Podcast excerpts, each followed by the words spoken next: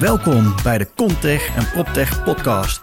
Inmiddels hebben we 100 plus afleveringen voor je klaarstaan op Spotify, iTunes en SoundCloud. Deze podcast is speciaal voor bouw- en vastgoedprofessionals die meer willen weten over vernieuwing, innovatie en technologie. Ik praat met leden en niet-leden over ESG, net zero buildings, bouwen met hout, digitalisering, smart and healthy buildings, duurzaamheid, enzovoort, enzovoort, enzovoort. Alles over vernieuwing in bouw en vastgoed. Mijn naam is Wouter Truffino. Luister je mee? Welkom allemaal bij weer een nieuwe uitzending van Hoe is het nu met? Tijdens Hoe is het nu met gaan we in gesprek met een aantal partijen ja, die bij ons zijn aangesloten. Of misschien net niet meer, maar dat maakt niet uit. Uh, het is altijd leuk om gewoon elkaar te leren kennen. En waarom doen we dit? Kijk, die hele bouw- en vastgoedwereld die is natuurlijk een enorme transitie. En we willen gewoon weten welke mensen daarbij betrokken zijn. Wat ze doen, wat hun passie is, wat hun uitdagingen zijn. En hoe we elkaar kunnen helpen om die beter gebouwde omgeving te creëren. En dat doen we vandaag met Joyce van der Velde van Ordina. Ja, Welkom. Dankjewel. Uh, Klaas Droog van de Mar. Welkom Klaas. Ja, dankjewel. Wouter. En Bas Bordewijk van de ING. Goedemorgen. Welkom allemaal. Dank je. Hoe is het met jullie? Goed. De eerste vraag. Goed, zeker. Ja hoor, absoluut. Ja hoor, zeker weten. Joyce, hoe is het met jou? Want jij zat voor de zomer nog bij Kroonwolter en Drost. En je hebt een overstap gemaakt naar Ordina. Ja, hoe ja is het? klopt. Ja, heel goed. Ja, uh, superleuke stap uh, om te maken komt natuurlijk echt uit de, ja, uit de, uit de technisch dienstverlenerwereld vandaan. Waarin uh, ja, ik een close band had met, met de bouw. En vooral gekeken natuurlijk de laatste jaren van hoe kan je smart buildings laten ontwikkelen. Hoe kan je zorgen dat, uh, nou ja, dat we daar de stap in maken naar een slimmere en duurzamere ja, gebouwde omgeving. En ja, ik was er wel heel erg getriggerd door eigenlijk ook het breder bekijken dan alleen maar het gebouw aan zich. Um, ja, om ook te kijken naar hoe kan je nu met data en technologie een bijdrage leveren aan die, aan die energietransitie en de maatschappelijke vraagstukken die er spelen. En uh, ja, toen kwam Ordina op mijn pad en toen dacht ik, ja, zo'n club voor zulke gave opdrachtgevers uh, aan het werk, uh, ja, die stap wil ik graag maken. Dus vandaar. Cool, nou ja. gaan we het straks misschien nog uitgebreid over hebben. Heb je iets in het nieuws wat jou is opgevallen de afgelopen week of vandaag? Ja, ik denk, uh, het is bijna niet meer opvallend. En dat is misschien het slechte van, van dit punt. Maar uh, dat we inderdaad ja, de doelstellingen die we hebben op het gebied van het klimaat natuurlijk... Uh, dat die verder uit beeld lijken dan, nou, dan ooit, zou ik bijna zeggen. Ja, dat was gisteren even in het nieuws, hè? ja, ja. ja, met de nieuwe doorberekening weer van PBL. En nou ja, ook als je ziet van, hé, hey, waar, waar zit hem dat, dat dan in? Nou ja, ik denk die onderliggende factoren, dat daar wel een aantal dingen in zijn... waarvan we ook vanuit technologisch perspectief kunnen zeggen... hé, wat kunnen we hier, ja, wat kunnen we hier aan bijdragen om dat te verbeteren? Ja.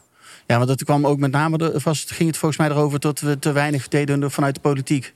Wel de ambities soms uitspreken, ja. maar dat er te weinig dan gedaan wordt, daadwerkelijk ja. in de uitvoering van de plannen. Ja, de doorvertaling van die plannen inderdaad. Uh, nou ja, tekort aan materialen, tekort aan mensen. Uh, nou ja, de, de, de, bekende onderwerpen, tekort op het net. Dus uh, ja, wel een aantal ja, super urgente zaken. Dus dat was een van de punten die ik, die ik voorbij heb zien komen. Ja. Ja. ja. Bas Boordewijk, ING. Yes. Wat doe je binnen ING? Um, nou, binnen ING werk ik bij Real Estate Finance. Dus wij financieren de beleggers in onroerend goed. En die probeer ik um, te helpen bij het verduurzamen. Dus alle panden die we financieren, alle klanten die wij financieren... Um, gewoon zo duurzaam mogelijk te krijgen. En dat zit hem bijvoorbeeld in de energietransitie... maar ook in materiaal, klimaatadaptatie. En we proberen daar ook sociaal aan toe te voegen. En dat... Uh, uh, dat, uh, dat is nieuw voor ons. Ja, is dat, dat, dat, ingewikkelder, dat sociale aspect? Nou, het is soms lastig. Kijk, wij financieren gewoon stenen en, uh, en hoe kan je daar een sociaal component aan toevoegen. Ja. maar dat zit er bijvoorbeeld natuurlijk ook in, in het motiveren in, in sociale woningbouw. Ja. Of, of, of het vastgoedbos waar we nu mee bezig zijn. Op die manier zijn we er ook op die pijler mee bezig. Ja, dat is leuk omdat je dat noemt. Want het vastgoedbos, we hebben hier gewoon een onderdeel staan van het vastgoedbos. hè, aan ja, tafel. daar hadden we het toevallig net over. Ja. Dat zijn de sequoia's, als ik het goed uitspreek, uh, uh, die wij uh, hebben uitgedeeld. Juist. Ja, die heb je uitgedeeld op de Provada voor dat de klopt. zomer. Ongeveer 150 klanten. Het was een boompje van niks. En hij kan, uit mijn hoofd gezegd, maar wie weet uh, dat iemand mij kan uh, verbeteren. Hij kan 85 meter hoog worden. Zo. Dus je hebt nog even te gaan. ja.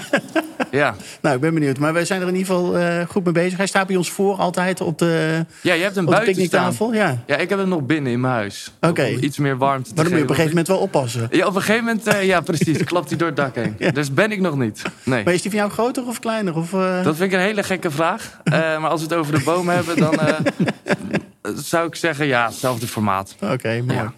Leuk. Klaas, eh, Klaas Droog van de Mar. Hoe is het met je?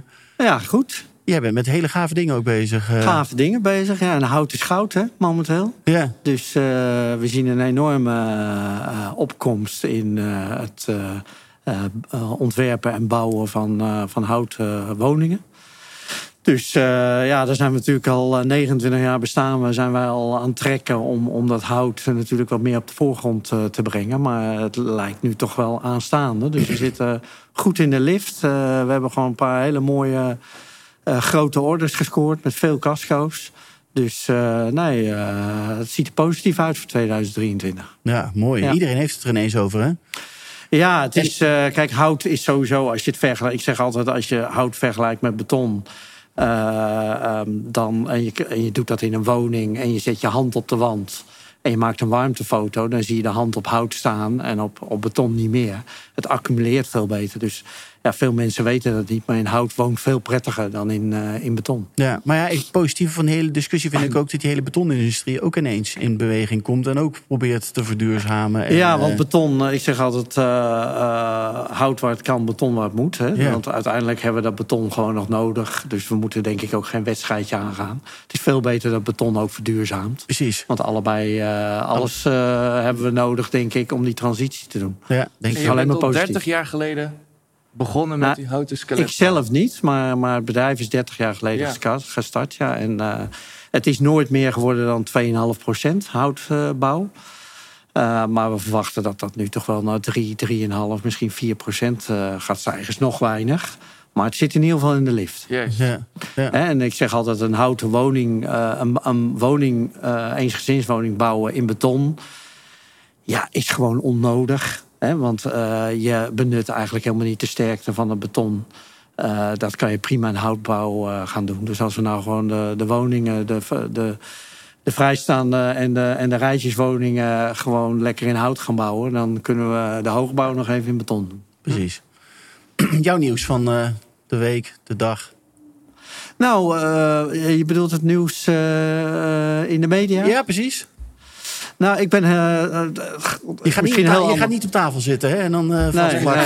nee, Misschien een heel ander onderwerp. Maar ik ben heel benieuwd wat meneer Elon Musk gaat maken van Twitter. Die heeft het Ja. overgenomen. Ja. En ik ben heel benieuwd wat dat ga- gaat betekenen. Ik denk zelf. Twitter jij veel? Wat zeg je? Twitter jij veel? Nee, ik twitter niet. Maar eh, ik ben wel heel benieuwd hoe. iedereen is daar heel negatief over. Ja. Maar ik denk dat hij daar een heel groot succes van gaat maken. ja.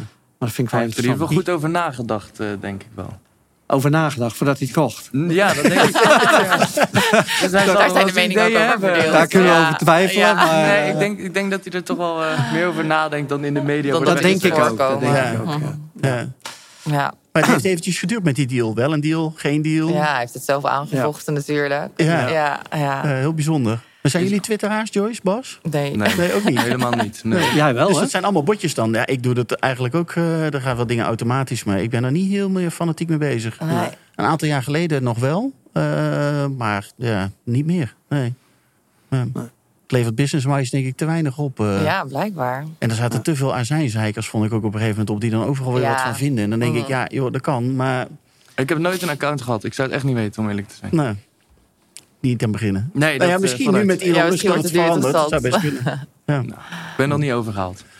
Nee. nee, maar Bas, wat was jouw nieuws? Want dat had ik, eh, ben ik aan het Ja, nou, dat is op zich geen punt dat je vergeten was. hoor. Maar eh, er is nu toch wel aangetoond, of de afgelopen dagen in het nieuws geweest... dat eh, een duurzame woning of met een goed label wel echt meer waard is... Ja, dan een eh, woning met een slecht energielabel.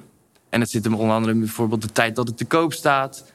Eh, maar ook gewoon dat het... er is gewoon een afname gaande met, met de, de, de, de, de wens naar woningen, de vraag naar woningen. En dat degene die een goed label hebben, daar is de, de daling minder groot dan bij de woningen met een slecht label. Ja, ergens zou je kunnen zeggen dat is heel logisch. ja, want die betalen meer energie nu. Toch? Die slechte Bijvoorbeeld, labels, precies. bijvoorbeeld. En Ja. je kan nou gewoon wat kieskeuriger zijn natuurlijk. Dus dat vind ik een mooie ontwikkeling. Ik hoop dat dat eh, zo blijft. Wat me verbaast is dat we nog niet eh, eh, de methode hebben toegepast die ze in Finland hebben. Want Hoe daar doen is ze dat het, daar dan? Nou, daar is het zo als je dus een, eh, een huis koopt van een ander, dan teken je eigenlijk ook voor verduurzaming. Eh, dat heeft de overheid verplicht gesteld. Dus dat betekent dat je die woning moet verduurzamen. Ja, En dat heeft gewoon de woningenwaarde met 20, 30.000 doen dalen. ja precies. Ja. En Ja. dat was dan de ruimte om ermee Om- te gaan verduurzamen Ja. natuurlijk. Ja. Ja. Ja, Ja. super interessant. Nou, dat is wel wat je afvraagt van, weet je, nu is het, het de financiële trigger eigenlijk. Of we weten van, hé, hey, die, die label, een beter label levert meer geld op. En dan gaan we er dus actie op ondernemen. Dus Ja. hoe kunnen we zo eigenlijk dus Ja. weten dat dat altijd de primaire trigger is? Hoe zet je dat dan in om een stap te maken in die energietransitie? Want blijkbaar gaan we dan pas acteren. Ik bedoel, label C Ja. voor kantoorpanden. Nou ja, pas Ja. als we zien van, hé, hey, het vastgoed wordt ook meer waard. Oké, dan gaan de acties erop Ja, worden bij EG ondernomen. hebben we best vaak onderzoek hier al naar Mhm. gedaan. Een aantal jaar, 2016, 19, 21. Altijd gekeken naar wat is nou het verschil in die, in die waarde van die, van die panden die wij financieren. Tussen ja, goede en slechte labels. En dat het nu zo, zo breed in de media komt, ook over woningen. Ja. Eh, ja, vind ik een hele goede ontwikkeling wel. Maar helpt dit inderdaad wat Joyce zegt ook op de kantorenmarkt? Om die label C-discussie? Want eigenlijk vanaf 1 januari Nou, moet daar iets mee gebeuren. Ja, eh, daar is het denk ik meer andersom. Daar, daar wordt je pand, ja, waardeloos is een groot woord. Maar als je nu nog niet voldoet aan die wetgeving... ja, dat, dat moet je wel eh, pijn ga je, doen gaat, natuurlijk. ga je voelen. Ja. ja. Ja. Ja, ik, ik was van het weekend op de hockeyclub met onze kinderen. En eh, wij wonen zelf in een huis van 2007 volgens mij. Dus dat is A, nou, plus, plus, plus, eh, bij wijze van spreken. Maar supergoed geïsoleerd. Ook een hele lage energierekening hebben wij. Maar we wonen midden in een wijk met allemaal jaren 30 woningen. En die zijn super geliefd bij allemaal mensen. Totdat die oorlog in Oekraïne begon. Want nu Ja. is het ineens heel vervelend. Want, eh, Ja. En dan zie je ineens iedereen met vloerisolatie aan de gang. En eh wandisolatie, Nou, hele ontwikkeling. Hele goede ontwikkeling. Dus we hadden het er op de hockeyclub al even. Eigenlijk verdient die Poetin bijna de, de Nobelprijs voor de klimaatverandering. Ja, klimaatverandering. Er heel- want ineens is iedereen ineens bezig. Ja, maar tegelijkertijd... eh, ik, ik heb het niet nagerekend of zo... maar hoeveel CO2-uitstoot er is vrijgekomen... bij die Nord Stream 1 en 2. Zo. Die zijn kapot gegaan. Dat was geloof ik twee derde van het jaarverbruik. Ja, is bizar. Het jaaruitstoot van heel Denemarken. Ja. Nou ja, Maar hoe Ja. zien jullie dat ook? Dat er nu ineens veel meer beweging komt van mensen die hun huizen gaan, ineens gaan aanpakken? Ja. Ja, dat is Ja. duidelijk. Ik bedoel, dat, zeker. Er is veel onderzoek gedaan naar eh, verduurzaming. En dan zie je toch dat consumenten... dat er maar 15 tot 17 procent van de consumenten... dat vanuit zeg maar, overtuiging doen. En de rest wordt eigenlijk alleen Ja. maar door geld gedreven. Dus Ja. nou ja, dat zie je nu gebeuren. Ja. Dus dat is een hele goede Wat is het ontwikkeling. intrinsieke deel? Ja. ja, al, wat al is het geld gedreven. Als het resultaat hetzelfde Ja, is. daarom. Maar wat Ja. kunnen we daar dan mee in, in hoe we dit dus stimuleren? Of het inderdaad dan voor particulieren is of voor, voor vastgoed in Ja. de bredere zin. Ja, hoe kunnen we dan die trigger eigenlijk dus inzetten om te nou, zorgen toch dat... laten zien ja. dat het echt loont. Ja. Op meerdere manieren dat het loont. Dus en in de waarde van je woning bijvoorbeeld, maar ook in die energierekening. En ook op het moment dat je het zou willen verkopen, dat je het makkelijker verkocht krijgt.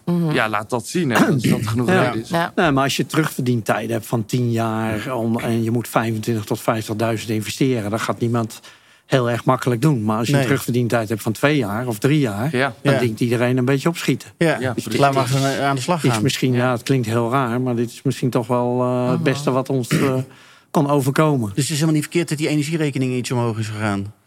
Of die energieprijzen. Nou ja, ik denk dat het voor heel veel mensen moeilijk is, maar ja, het, het, het eh, werkt, helpt nu wel mee. Ja. Ja, en dan heeft de top van de markt het misschien natuurlijk makkelijk. Top van Nederland Ja, die kan makkelijk precies. investeren in zijn huis. Maar Inderdaad. de onderkant van de samenleving die heeft het natuurlijk eh, enorm zwaar. Die het ook niet kan beïnvloeden. Die kan het ook niet beïnvloeden. Nee. En die heeft ook niet geld op zijn rekening staan om even die spouwmuurisolatie eh, aan te pakken. Nee. Nou, daarom was Daar het goed, wel- denk ik, dat Kaag nu zei van eh, 2024 gaan we niet meer eh, iets met die energienota doen.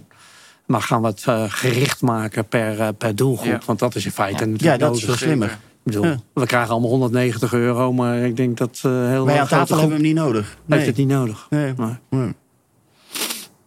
Ik denk ook dat als je nu die hele hoge energieprijzen... dat dat ook wel een beetje vergelijkbaar is als er straks een CO2-belasting komt.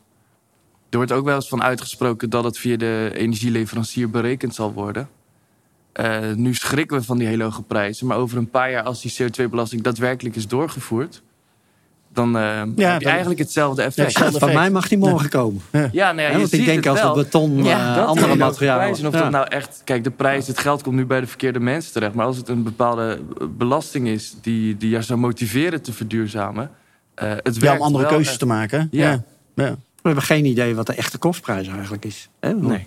Die belasting van, eh, van onze omgeving moet eigenlijk gewoon beprijsd worden. Ja, Dus voor mij mag dat morgen komen. Ja.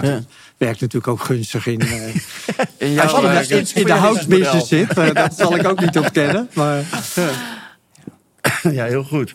Hey jongens, we gaan ook een beetje jullie leren kennen. Ehm, eh, en dan gaan we, daarna gaan we nog wel eens even wat grote trends misschien wel bespreken. En hoe, het, eh, eh, hoe jullie afgelopen jaren is geweest.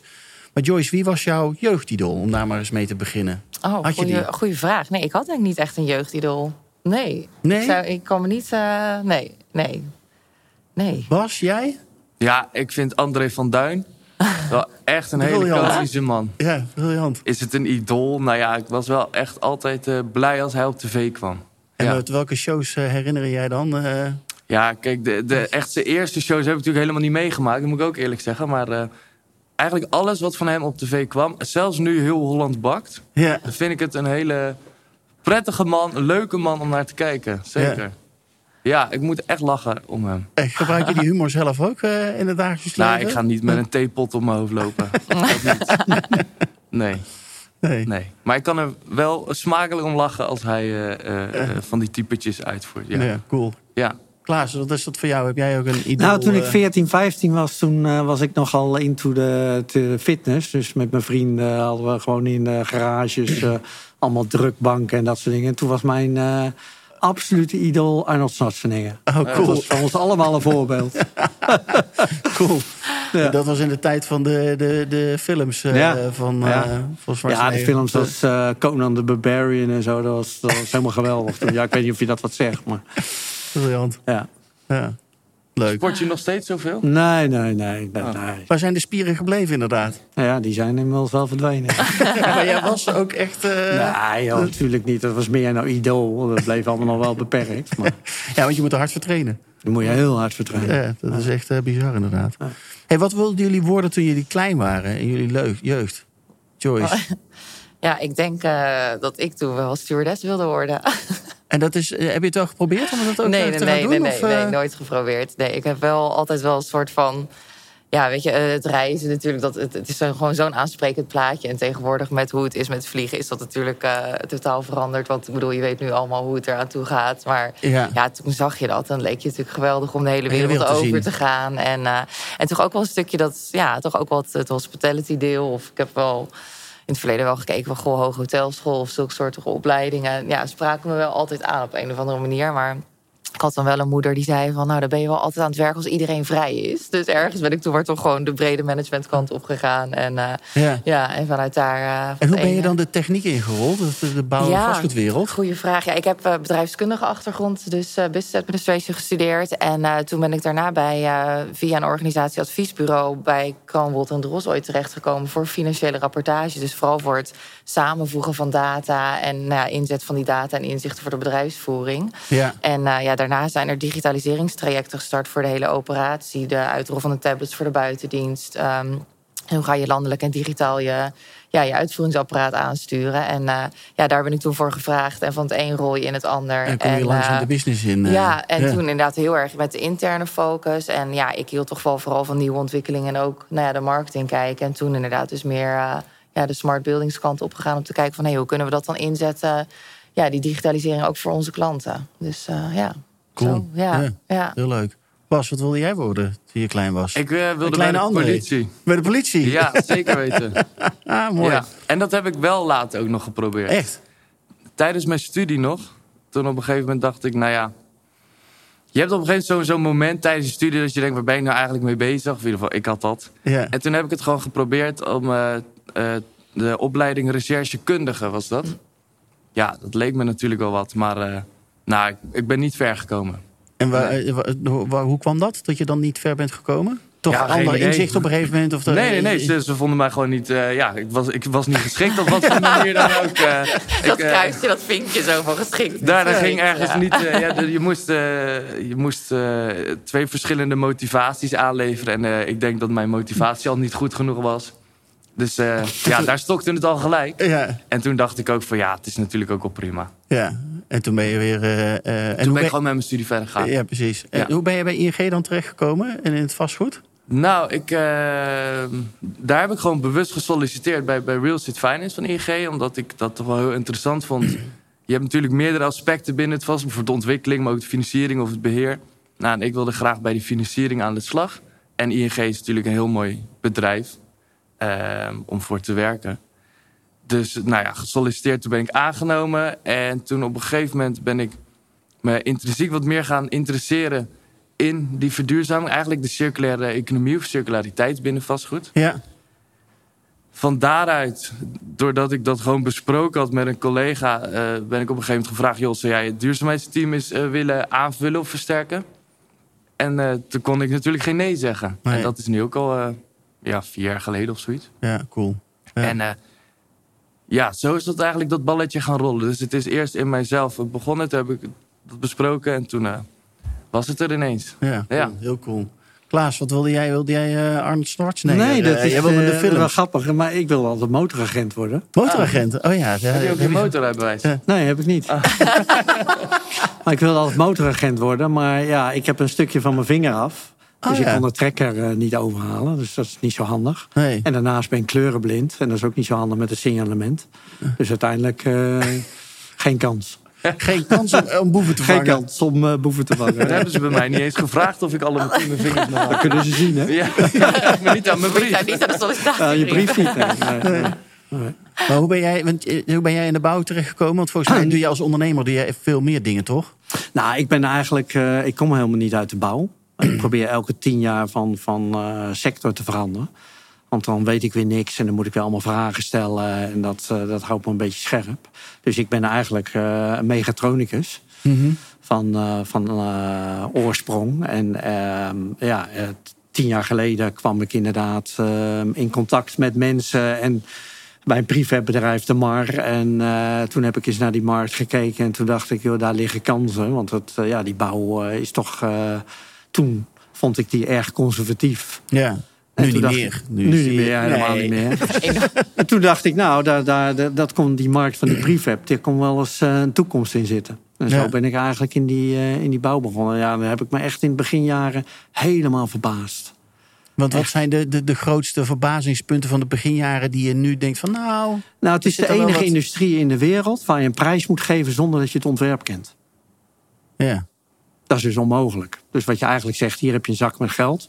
Kijk maar wat je ervan kan maken. Ja. Nou, en dat kent geen één andere industrie, kent dat fenomeen. Het is altijd, je maakt een ontwerp en dan vraag je een prijs op. En dan krijg je op basis van die spec krijg je dan een Krijg prijs. je precies wat je... maar hier is ja. gewoon van, ja, we weten nog niet wat het wordt, maar hoeveel kost het? Ja. Dat is toch heel bijzonder. ja, dit is ongeveer wat we willen. Ja. Ja, en dan zie je ook dat dat natuurlijk heel vaak fout... Daar, alle discussies komen altijd daarvoor. We hebben die zak geld en de ene vindt dat het er wel bij hoort... en de ander vindt dat het er niet bij hoort. Dus die demarcatie wordt dan eh, heel erg belangrijk. Maar daar heb ik me echt over verbaasd. En dat we, ja, hoe, hoe, hoe we het organiseren, dat is toch ook heel bijzonder. eh, Wat vind je er het meest bijzonders aan, hoe we het organiseren dan?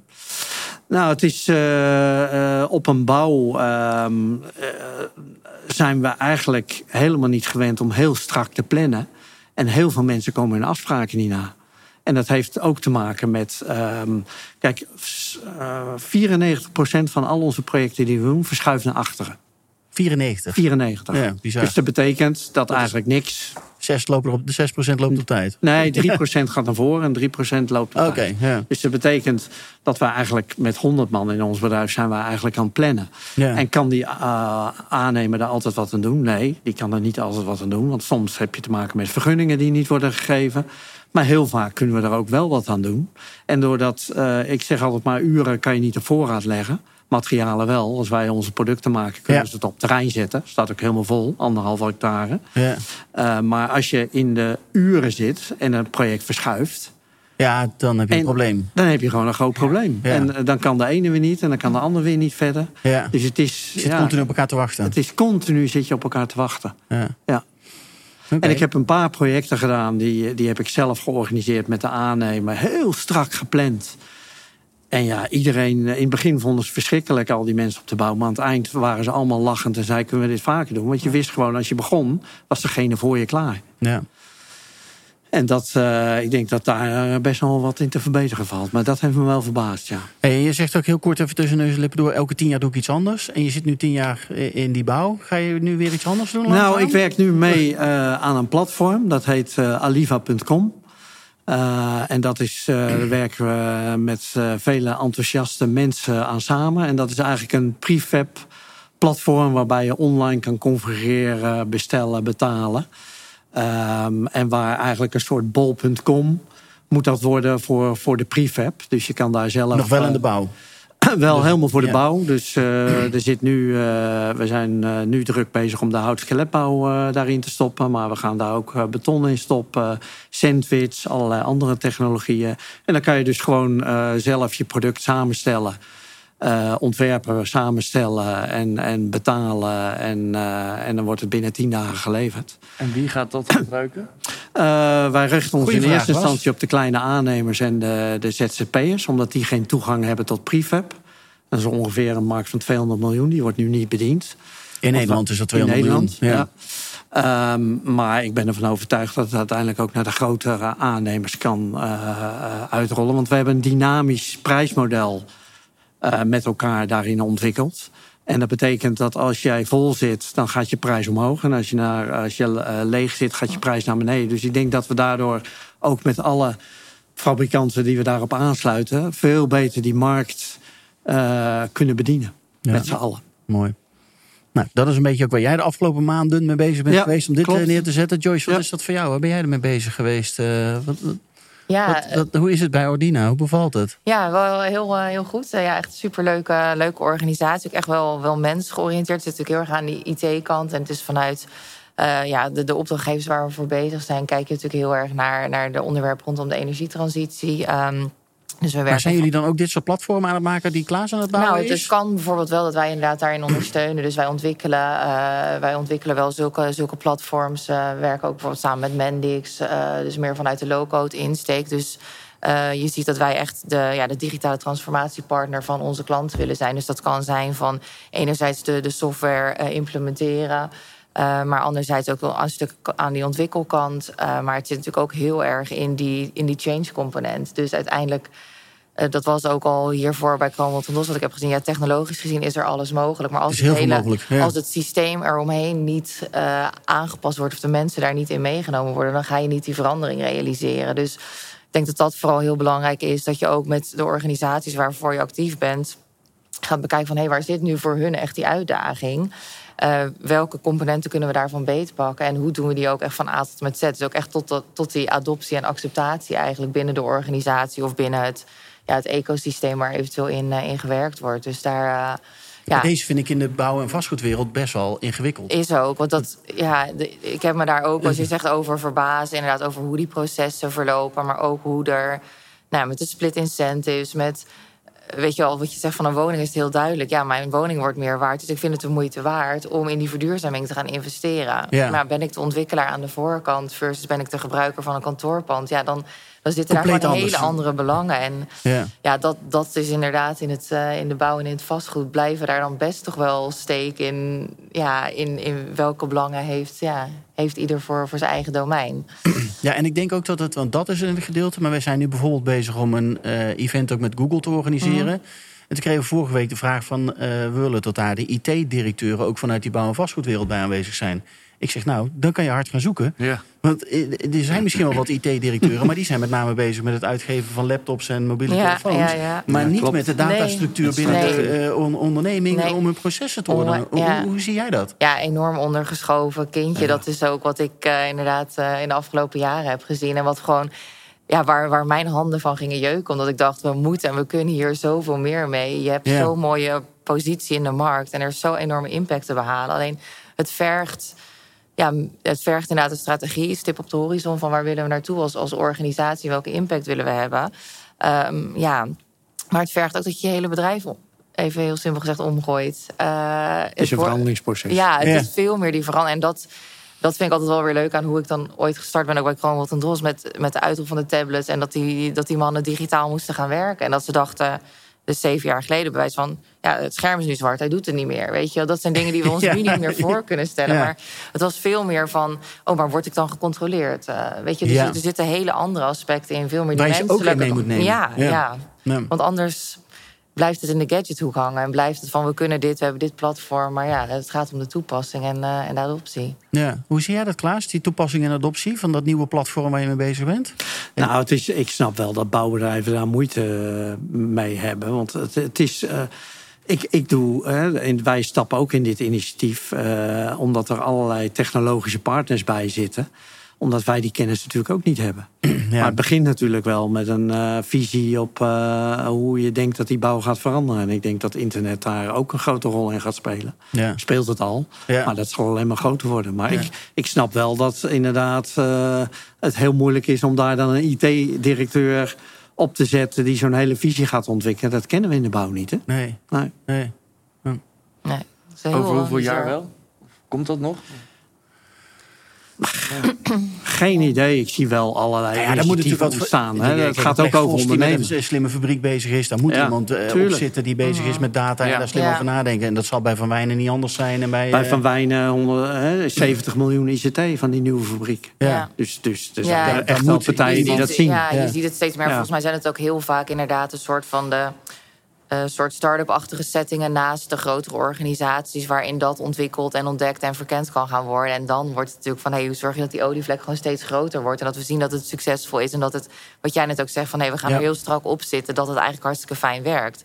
Ook al voelt het voor de mensen die al twintig jaar doen wat ze doen, aan het begin heel naar, maar als ze het eenmaal ervaren, dat ze dan gewoon gaan zien van hé, hey, het werkt we, zijn er, we hebben betere kwaliteit, we hebben betere tevredenheid van klanten, we doen het sneller. Ja, weet je, dan moet het zich gewoon bewijzen door te doen. En ik denk dat dat de aanpak voor heel veel bedrijven is. Begin gewoon met een klein ja, met een klein voorbeeld, met een kleine case waarvan je weet, hé, hey, daar zit heel veel impact voor ons. En laat het zien. En ja, dan is het toch uh, spread the word. En, uh, nou, ik denk in die zin dat ook Van Wijnen met dit initiatief, hè, die, die loopt natuurlijk toch wel voorop. En ik denk dat, dat daar heel veel bedrijven naar gaan kijken en wat van kunnen leren. Want dat is natuurlijk, die steken wel een nek uit. Uh, petje af. Ja. Nou, ik weet er nog eentje die mee door de hoofd ziet. De Prologis. Er zit ook een vice-president architect in IT. En dat is echt iemand die uit, met een IT-achtergrond... Ja die daar een hele strategie heeft neergelegd voor de hele Global Prologis over hoe zij met smart en healthy buildings omgaan. Uh, ja, dat is een totale andere achtergrond dan iemand vanuit met een vastgoedachtergrond. Ja. Uh, het is echt een IT-achtergrond. Ja, ja, ja, maar we hebben het volgens mij niet al jaren over multidisciplinaire teams en de waarde daarvan. Want uiteindelijk kunnen we allemaal uit hetzelfde wereldje en naar elkaar blijven kijken van goh. Hoe doet, hoe doet mijn buurman het? Maar ja, uiteindelijk gaat het om eh, inzicht uit andere sectoren... die juist natuurlijk een eye-opener kunnen opleveren. Ja. Bas, wat was het voor jou de afgelopen maanden? Druk met circulariteit, duurzaamheid bezig geweest? Nou, ik ben heel veel bezig geweest met... Uh, we hadden het er even over dat boompje, maar het vastgoedbos. Ja. Wij willen gewoon heel graag... Kijk, we zijn al lang bezig met het verduurzamen... in de zin van het energiescore verbeteren. Het energieverbruik omlaag krijgen. En dat leidt natuurlijk alsnog tot een bepaalde CO2-uitstoot. Dat is nou eenmaal zo. Ja. En uh, nou zijn we bezig met het vastgoedbos, dat stukje dat er nog is... En niet dat je daarmee voorkomt dat je niet meer verder hoeft te verduurzamen... maar we willen graag een stukje compenseren van de resterende CO2-uitstoot. Dus we hebben zowel in, in, in Limburg als in, in Bolivia een groot project... om maar zoveel mogelijk bomen echt nieuw aan te planten. Dus ook niet hercertificeren of zo, gewoon... Echt nieuw aan te planten. Donaties verzamelen, als je het heel plat slaat... om dat bos zo groot mogelijk te laten worden. En hoeveel bomen staan er inmiddels? In Limburg nu 30.000 en in Bolivia, ja, ik zou ongeveer 70, 80 hectare zeggen. Zo. Ja. Uh, en dat is, daar zijn we dit jaar mee begonnen. Dat zijn behoorlijk wat voetbalvelden. Dat is behoorlijk wat, zeker. Ja. Uh, en ik heb wel eens gezegd dat uh, twee voetbalvelden in een hectare pas, maar dat blijkt helemaal niet te kloppen. Dus dat doe ik nu niet. maar in ieder geval, het zijn een hele hoop voetbalvelden. Dat is zeker waar. En het andere waar ik veel mee bezig ben geweest is... wij vragen nu van onze klanten Tenminste, we hebben als, als geen bepaalde ambitie waar we willen zijn in 2040. Dan zeggen we, nou, een gebouwde omgeving zou eigenlijk persproof moeten zijn, geen CO2-uitstoot meer zijn. Ja. Nou, dat is een bepaalde ambitie. Maar hoe ga je dat nou doorvertalen naar de klant? En datgene wat wij dan financieren. En wij hebben dus nu, in elke offerte leggen we vast... dat wij in 2025 van alle klanten, van alle panden... een plan van aanpak willen hebben. Richting tenminste energielabel A of beter. En dat zou in 2030 gewoon helemaal uitgevoerd moeten zijn. En natuurlijk heb je altijd je uitzonderingen, bijvoorbeeld een monument. Ja. Maar wij willen gewoon heel graag eh, met, die, met al die klanten aan de slag. Samen, dus niet slechte panden afstoten. Dat is natuurlijk heel makkelijk. Dat je zegt, nou ja, we royeren alles wat niet meer in ons straatje past. Dat is niet de bedoeling. Nee, want dan zit iemand anders met een Ja, probleem. Dan zit iemand Ja, anders dat- met dat het is probleem. geen oplossing. Dus ja. we willen heel graag samen met de klant. En daar hebben we allerlei producten voor. eh, eh, bijvoorbeeld korting. Om maar ervoor te zorgen dat we samen naar dat, eh, tenminste dat A-label verduurzamen. Ja. dan helpen jullie ook in die aanpak. Dus dan helpen Zeker. jullie de klant ook van wat is dan wijsheid om het nu te doen. Ja, precies. We hebben dan partners die dan met zo'n plan van aanpak kunnen helpen. Wat is er precies nodig aan middelen? Aan, aan maatregelen moet ik eigenlijk zeggen. Ja. En eh, nou ja, als je dat bij ons dan financiert, zeggen we nou, dan geven we ongeveer anderhalf procent korting ehm, eh, op die verduurzamingsmaatregelen. Als je er maar mee aan de slag gaat. Ja. Ja, mooi. Nou, En zie je dat daar nou meer mee gebeurt? ja, sowieso. Ja. Komen klanten naar jullie toe met vragen? Of gaan jullie nog steeds naar klanten toe om te zeggen... Van, Nou, dat is sowieso beide. Wij gaan eh, naar sommige klanten gaan we natuurlijk zelf. Klanten komen ook naar ons toe. eh, Ja. En wat we nu ook merken is dat de klant van onze klant, de huurders, die komen naar hun toe. Dus onze Ah, klant wordt eigenlijk ook wel door twee kanten Ze worden benaderd. ook beïnvloed. aangesproken Ja. op hun Ja, verantwoordelijkheid. precies. En dat is ook wel logisch natuurlijk. Ook, ook horecagelegenheden hebben nu zoiets van... ja, luister, eh, ik, als ik hier mijn hand opsteek, voel ik het tochten. Dat wil ik graag verbeterd hebben. Ja. En niet alleen maar de hele hippe groene horecateentjes. Maar ook de bruine kroeg bijvoorbeeld. Ja, die voelt gewoon dat er iets verbeterd moet worden. ja, want die, is, die betaalt zelf zijn energierekening. Juist. Dus die is daar direct mee, eh, mee gebaat Ja. als er wel wat, eh, ja, wat gebeurt. dus je merkt echt het verschil. Ja, cool. Interessant. Maar- Vind ik van wel, ja. Ja. Ik vind het heel interessant. Maar volgens mij nog genoeg te doen ook op dit thema. Oh, 100 procent. Hey Klaas, jij stelde eh, toen we net een beetje aan het kletsen waren een hele mooie vraag. Hoe zien we de macro micro-economische ontwikkelingen? Macro, Macro-economische ontwikkelingen. Eh, interessante vraag. Hoe zien we dat? In de wereld? Nou ja, goed. eh, ja, ik maak me daar eh, best wel zorgen over. Daar begon ik over. Daarom was ik ook geïnteresseerd hoe jullie er tegenaan kijken. Want ik heb het idee dat er heel veel ontwikkelingen, veel crises nu eigenlijk allemaal tegelijk gaande zijn. Energiecrisis, grondstoffencrisis, geldcrisis. ja, en, en wordt dat geen perfect storm? Dat is iets wat, wat me enorm bezighoudt. Ja. Want dat gaat natuurlijk, eh, we willen 100.000 woningen bouwen. Nou, ik denk dat we allemaal wel weten Per jaar. eh, dat Ja. eh, per jaar. eh, Ja. dat, dat, volgens mij kan eh, Hugo de Jonge dat lukken. Daar ben ik de enige in volgens mij die dat vindt. Maar ik denk dat het hem kan lukken mits die met zijn minister van Binnenlandse Zaken eh, gaat praten. Om te kijken van ja, hoe kunnen we nou die hele vergunningverlening eh, versnellen. Ja. Want eh, welke bouwer ik ook spreek, de bouwers eh, zi- zijn niet het probleem. Nee, we iedereen kunnen die, wil hon- wel. Die kunnen die 100.000 woningen wel bouwen. Ja. Het probleem Ja. zit natuurlijk aan die voorkant. Ja. Eh, maar er zijn Ja, gewoon nu nog wel, maar dat is natuurlijk de vraag. Want als deze crisis langer gaat duren en die bouwproductie die gaat naar beneden, waar gaan die mensen dan heen die in de bouw werken? Ja. Ja. Die gaan misschien wel weer weg. En krijg je ze dan Precies. weer terug om die capaciteiten überhaupt te kunnen halen? Dat is, eh, nou ja, en die stijgende rentes. Stijgende ja, we rentes, weten ja. gewoon dat de stijgende rentes gekoppeld zijn aan, aan de huizenprijzen. Dus er zijn nou veel ontwikkelingen tegelijkertijd. Nou, dat, ik, ik ben natuurlijk ik ben van nu van nature een optimist, maar, maar ik maak me er wel zorgen over. eh, hoe Ja, zie jij dat, absoluut. Joyce? Is het een perfect storm waar we Ja, in zo, zitten? ja, nou ja, er zijn natuurlijk een heleboel dingen die nu spelen... die elkaar eigenlijk in, in, in de grip houden of in de tang houden. Ik weet niet hoe je dat zegt. Maar, Ja. Dus, dus er vallen inderdaad een heleboel dingen nu samen. Waar, ja, weet je, je ziet het ook over de, de uitspraken die gedaan worden. Al kijk je alleen al naar, naar duurzaamheid of naar de, de CO2-uitspraken... van wat mag er in een bouwproces wel of niet uitgestoten worden. En we zijn maar naar Ja, die is elkaar... vandaag volgens mij. Tien Ja, uur, kwart ja, over tien komt die uitspraak, Ja, toch? ja. ja. Ja, dus weet je, maar we zijn elkaar ook maar een soort van in de greep aan het houden, voelt het soms. Dat ik denk inderdaad wat je zegt ook over vergunningsprocessen. We kunnen al veel meer daarin in weten en al veel meer tegelijk aan informatie samenbrengen, waardoor we die besluiten veel beter en veel sneller kunnen nemen. Dus soms, ja, dan verbaas ik me ook over van, we weten toch al zoveel. Hoe kan het nou zijn dat we op zoveel dingen nog ja, geconfronteerd worden met onduidelijkheden of dingen die niet uitgewerkt zijn. Of vandaag kwam het weer naar voren dat ehm, ook rondom die stikstof, dat een aantal grootverbruikers volgens mij waren gelabeld als "Joh, goh, jullie zijn grootverbruikers. Oh, nou bereikt, blijkt de berekening, Blijkt de berekening niet te kloppen, niet ja. goed te zijn. Dat ik denk, ja, weet je, dit, zijn wel allemaal. Ja, Ja. sorry, maar hier zitten ja, dat, dat kan toch niet? Dat kan niet in, voor deze topics die nu spelen. En we moeten het ook niet allemaal als, als ehm, excuses blijven gebruiken om niet die stappen te maken die we.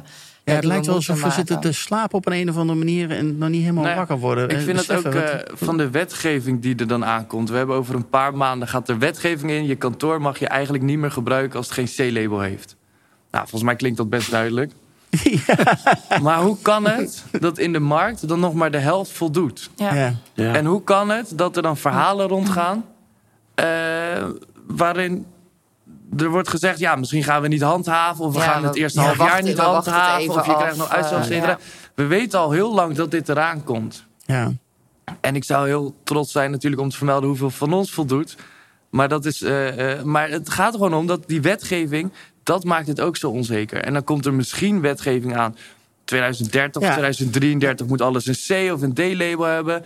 Is er een eindnorm 2050? Waarom is dit allemaal zo onduidelijk en zo Ja, het onzeker? is super onduidelijk, want ik denk dat dit pand... Het lijkt mij sterk dat het label C heeft. Of beter dan label C. Denk, ik denk het Ja. haast niet waar wij in zitten. Maar ik weet het niet. Ik heb echt geen idee.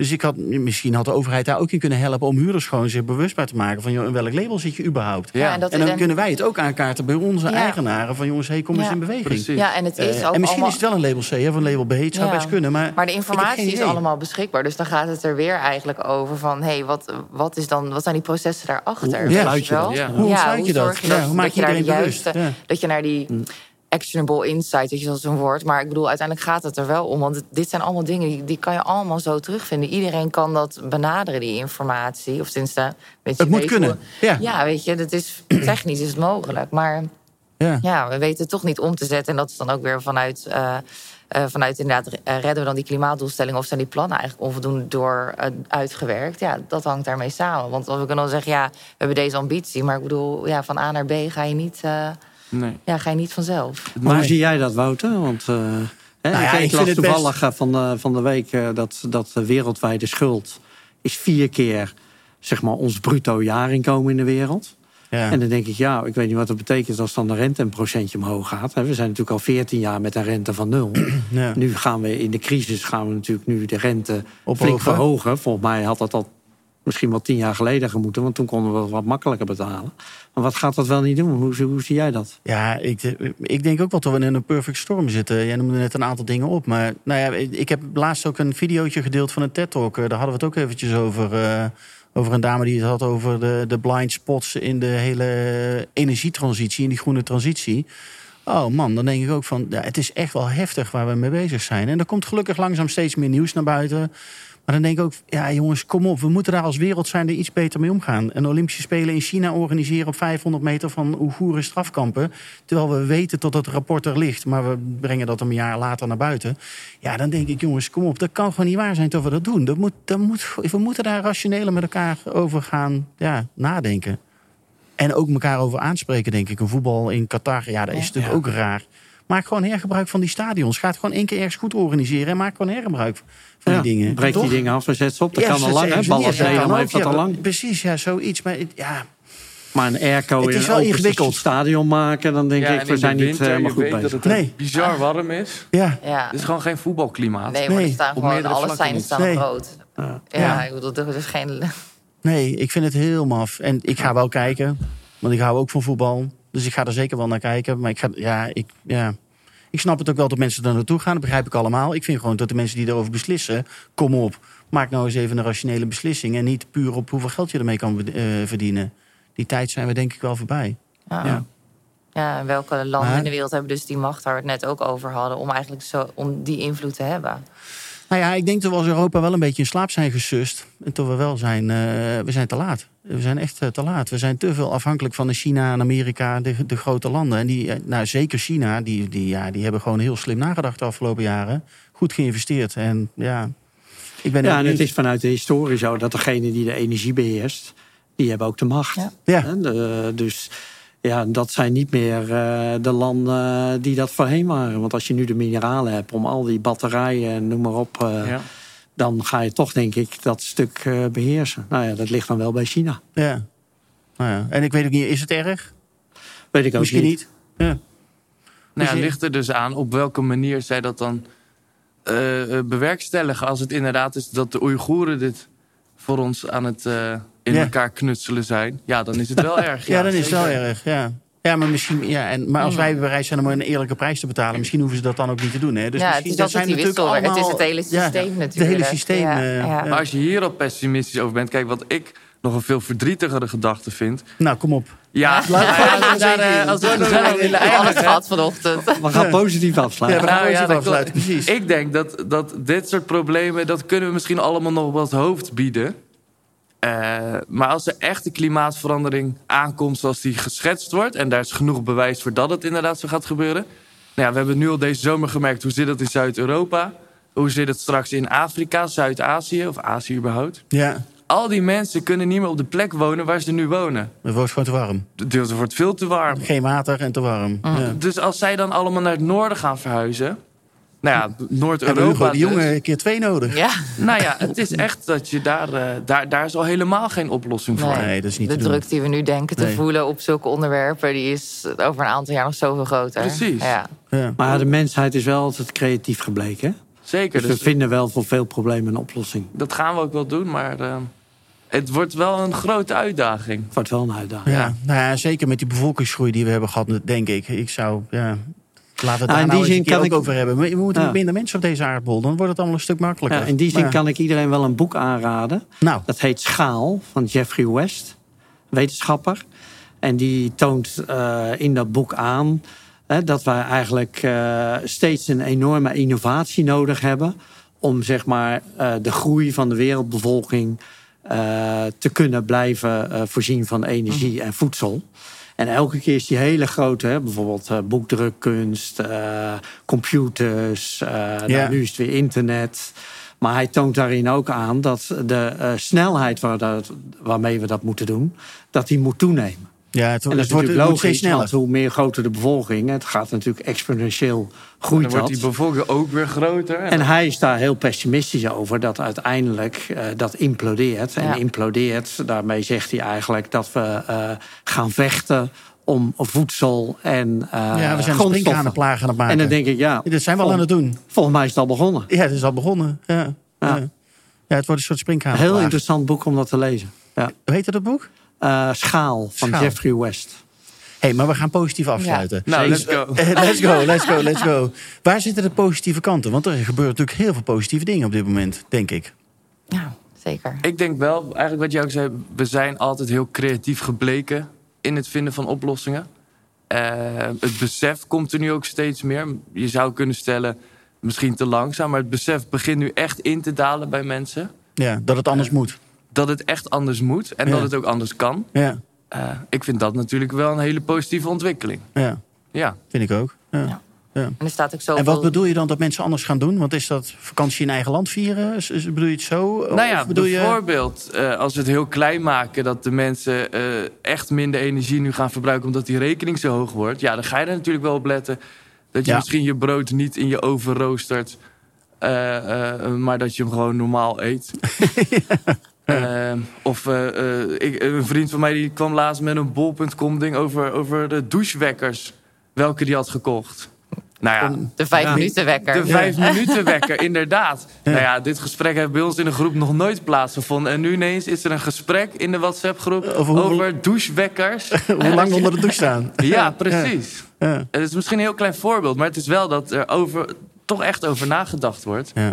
Dat je ja, op zulke kleine dingetjes al misschien een verschil zou kunnen maken. En het is misschien een druppel op de groeiende plaat, et cetera, Ja, maar als iedereen iets doet- Maar je doet het wel. ja, dat denk ik ook. Nou, en, ja, dat is- en ik denk dat mensen het ook veel meer gaan vasthouden, heb ik het Ja. gevoel. Ja. En geld is natuurlijk ehm, voor veel mensen toch een vorm van veiligheid.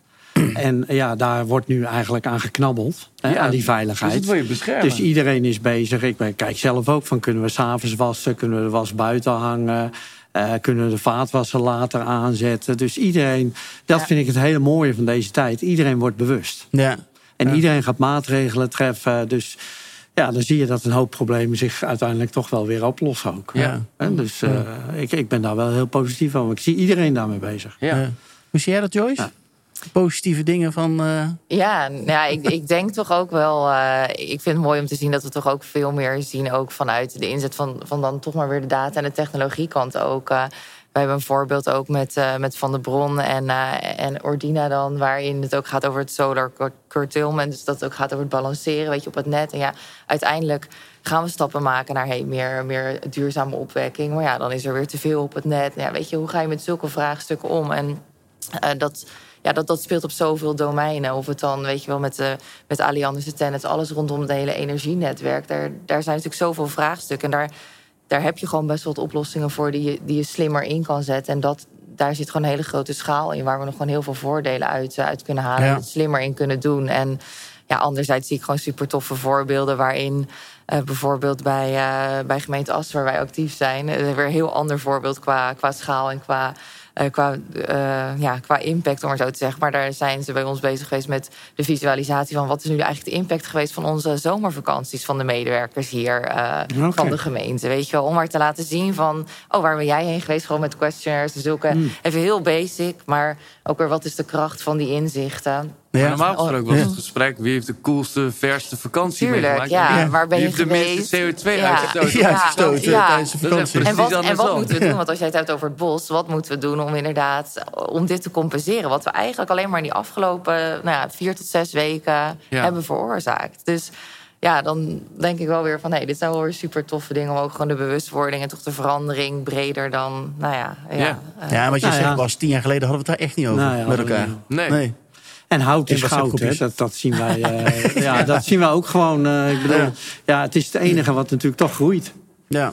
Hè? Dus, en CO2 opslaat. Dus eh, ik ben daar heel positief over. Ik zie echt beweging. Ik zag laatst ook een, eh, er is ook een nieuw initiatief, Just Enough. Volgens mij is van Paul Schellekens onder andere. En die heeft, eh, in Engeland hadden ze dat initiatief al om allerlei producten met elkaar te vergelijken. Eh, maar dan de hele keten door. Dus waar komt de, de, dat, de tandpasta vandaan, Ja. waar wordt die gemaakt? Maar ook de tube en weet ik van niet wat allemaal. Nou, helemaal de keten door waar de uiteindelijk die weer grondstoffen vandaan komen. En daar dan een ranking aan te geven hoe duurzaam die producten zijn. En hoe eerlijk ze Ja. gefabriceerd worden. En dat heeft hij dus naar Nederland gehaald met Just Enough. Eh, ja, super interessant. Maar ik ben heel benieuwd wat eruit gaat komen en welke artikelen wij allemaal gebruiken in ons huis. En waar, hoe we daarin kunnen verbeteren ook van. Want vaak ben je het niet eens be- bewust wat je allemaal eh, eh, in huis haalt. Nee, je neemt het maar als vanzelfsprekend. Ja. Ja, en je en- hoopt dat Unilever dan daar de goede keuzes maakt. Maar of zij dat ook echt doen, geen idee. Eh, dus Nee. het is wel heel waardevol. eh. We zijn bij ING nu begonnen met een... het is echt nog een pilot. Alles is een pilot tegenwoordig. nou, is, vertel. eh, is de CO2-uitstoot benoemen op het moment dat jij dat in je, met je bankpas hebt uitgegeven. Dus een Oh, overzicht wacht. geven wat de CO2-uitstoot was van, eh, van je uitgaven van de afgelopen maand. Van dat product. oh, ja. cool. Ja. Ja, Eh, Maar hoe weet je dat dan? Ja dat, eh, daar heb ik, eh, dat is heel ingewikkeld. Daar heb ik geen antwoord op. Iets Maar ik vind data. zelf een hele mooie ja, het is wel interessant. Ja, En eh, al, zou het helemaal de plank misslaan en niet kloppen... het steeds natuurlijk wel aan, aan het denken, precies. Ja, Van precies. jeetje, dit dat een Ja. CO2-uitstoot wordt gevolg. Ja, die, dat, dat besef alleen al ja. ja. ehm, Ja, is Ja. natuurlijk hartstikke mooi. Dat is al heel waardevol. Ja, dat Ja. denk ik ook. mooie ontwikkelingen. Ja.